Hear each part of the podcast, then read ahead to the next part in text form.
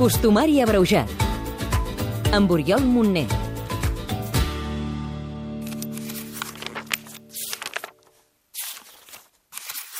Aquí, dijous gras.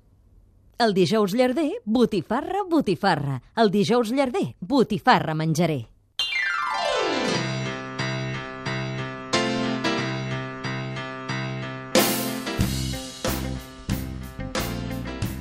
Avui és dijous gras i teniu permís per menjar el més greixós que trobeu. Aprofiteu-ho, perquè d'aquí a sis dies haureu de començar a fer abstinència, almenys els divendres. Lluís Garcia, historiador. Seria el primer dia d'accés. Els accessos són a partir del dijous i durant tot el carnaval. Eh, el dijous marca el, el primer dia en què eh, podem fer uns accessos per preparar-nos per la quaresma que vindrà en què haurem de fer molta, molta abstinència. Tot el carnaval és això. Aquí hem, hem agafat el dijous gras. A França, per exemple, parlen del mardi gras. És el dimarts gras. El dimarts abans del dimecres de cendre, que és l'últim dia en què tu pots desmadrar-te una mica menjant porc, menjant carn, en general. I és que el que celebrem avui, tot i ser una festa profana, està vinculat a la religió i és el tret de sortida del carnaval. Dijous Gras marca l'inici del, car del Carnaval. Curiosament, és un tipus de celebració que no té res a veure amb la religió, però que ve marcat per la religió, perquè clar, el Carnaval és sobretot el contrast de la Quaresma, i ve marcat per la data d'inici de la Quaresma, que aquesta sí que és religiosa, però el Carnaval, en canvi, no té res a veure de religiós. És marcar una setmana de, una mica de disbauxa. I és una cosa relativament recent, això d'estendre a una setmana, perquè abans Carnaval estrictament començaria el dissabte, eh? dissabte, diumenge, dilluns i dimarts. Eh? El dimecres de cendre ja començaria la, la Quaresma. El dijous gras, doncs, avui, va molt lligat al Carnaval que està a punt de començar i a l'abstinència que vindrà després. I si és dijous gras, avui toca botifarra d'ou.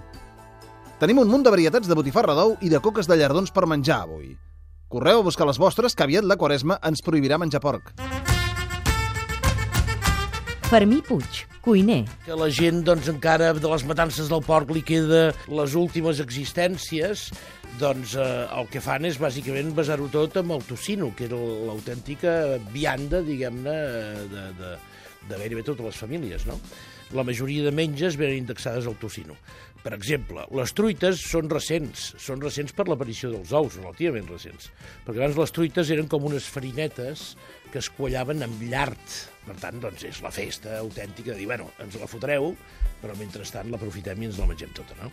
Molt bé, però per què es fa d'ou la botifarra avui? La botifarra d'ou també era una novetat, però la botifarra d'ou era perquè eh, a les botifarres normals eh, doncs se li afegien aquests ous i específicament només aquests dies. Pensa també que molt més endavant, i, i amb una procedència àrab, eh, unes setmanes més tard, quan ve la Pasqua, es fa la mona. Aleshores, la mona que era? L'exaltació de l'ou, en aquest sentit, no?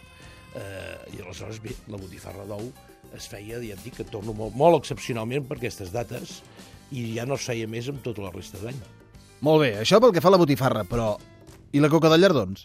Però la coca de llardons, que és molt pròpia a Catalunya, la coca de llardons sembla ser que ve del Pirineu. Sembla ser que era una menja de, del Pirineu. I aleshores aquesta menja doncs, fa fortuna doncs, a la resta del país. Avui, doncs, toca cremar tot el que ens quedi de porc al rebost, que era una de les carns més habituals i que ara ens la prohibiran. Costumari abreujat. Amb Oriol Montner.